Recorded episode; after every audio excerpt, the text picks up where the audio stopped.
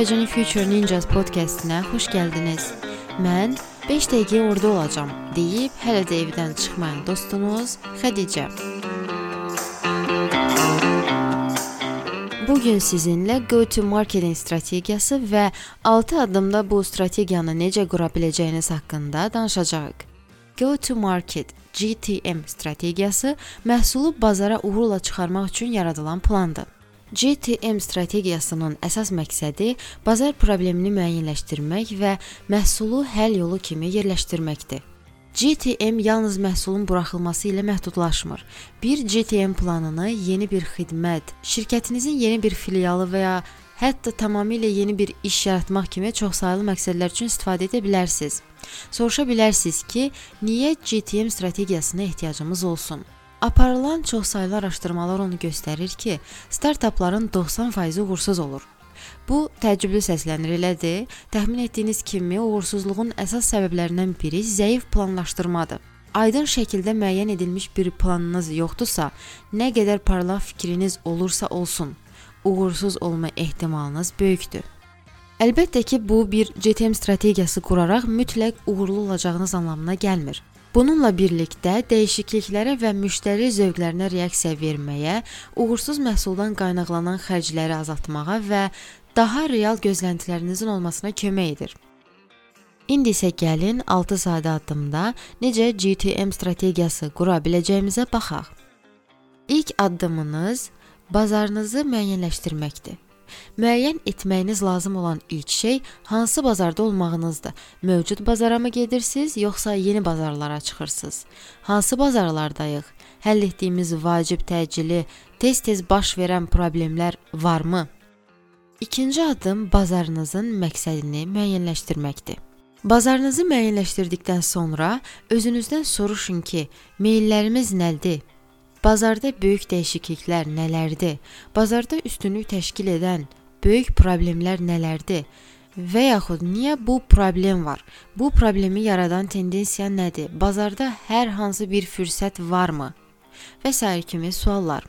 Üçüncü addım mövqeyinizi müəyyənləşdirmək adlanır. Əksər bazarlar bir neçə hissəyə bölünmüşdür. Məsələn, SaaS, xidmət kimi proqram təminatı bazarları daha çox bu seqmentlərə bölünür. Coop, kiçik və orta biznes, orta və müəssisə. Məhsulunuzu qurduğunuzda aşağı qiymətli və ya premium bir oyunçu olacağınıza qərar verəcəksiniz və daxil olacağınız bazara görə qərar verməlisiniz. Kiçik biznes bazarında, orta bazarda və ya müəssisədə olmaq istəyirsinizmi, yoxsa aşağı qiymətli oyunçu və ya premium oyunçu olmaq istəyirsiniz? Burada təbii bir qanun uyğunluq var. Nə qədər yuxarı bazara çıxsanız və daha premium olsanız, daha kompleks satış olacaq. Nə qədər aşağı bazarda olsanız, daha çox koba gedəcəksiniz və daha sadə satışlarınız olacaq. Seqment haqqında düşünəndə bir növ qiymət qoyma strategiyanız haqqında da düşünmüş olursunuz. Dördüncü addımınız rəqabəti anlamaqdır. Hansı seqmentdə olmağınızdan asılı olmayaraq, həmişə böyük rəqiblər olacaq. Beləliklə hər seqmentdə rəqiblərin harda yerləşdiyini anlamaq istəyəcəksiniz. Kimlərlə rəqabət edə biləcəyinizi və özünüzü fərqləndirmək üçün nə etməli olduğunuzu müəyyən edə bilərsiniz. Məsələn, çox güclü müəssisə varsa, həqiqətən onlarla yarışmaq başlanğıc kimi çətin olacaq. Beləliklə, Coop ya da orta bazarda vəziyyətiniz daha yaxşı ola bilər. Ancaq eyni zamanda bazara xidmət edən aşağı qiymətli oyunçular varsa və bunlar minlərlədirsə, özünüzü fərqləndirmək demək olar ki, mümkün olmayacaq. Növbəti addımımız isə müştəriyə verdiyiniz dəyəri müəyyənləşdirməkdir. İnsanlar bilməlidir ki, təklif etdiyiniz üstünlüklər hansılardır? İnsanlar niyə bizi digər rəqiblərdən üstün tutmalıdırlar? Fərqlərimiz nələrdir? Əsas mesajımız nədir? Son addım isə müştərilərlə necə əlaqə quracağınızı müəyyənləşdirməkdir.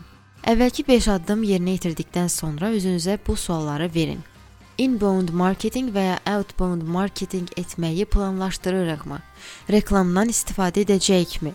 Sosial media kanallarından istifadə edəcəyikmi? Və sair kimi suallar.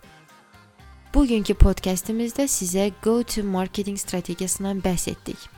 Startup nümunəsində nə qədər önəmli olduğundan danışdıq. Ən sonda isə bu strategiyanı qurmaq üçün lazım olan 6 addımla tanış oldunuz. Podkastı bitirmədən sizi Facebook qrupumuza dəvət etmək istəyirəm. Qrupumuzun adı Azərbaycanı Future Ninjas-dır.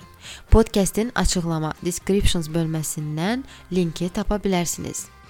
Bizi dinlədiyiniz üçün təşəkkür edirik. Bizi hər yerdə izləməyi və gündə ən azı 10 dəqiqə idman etməyi unutmayın. Hələlik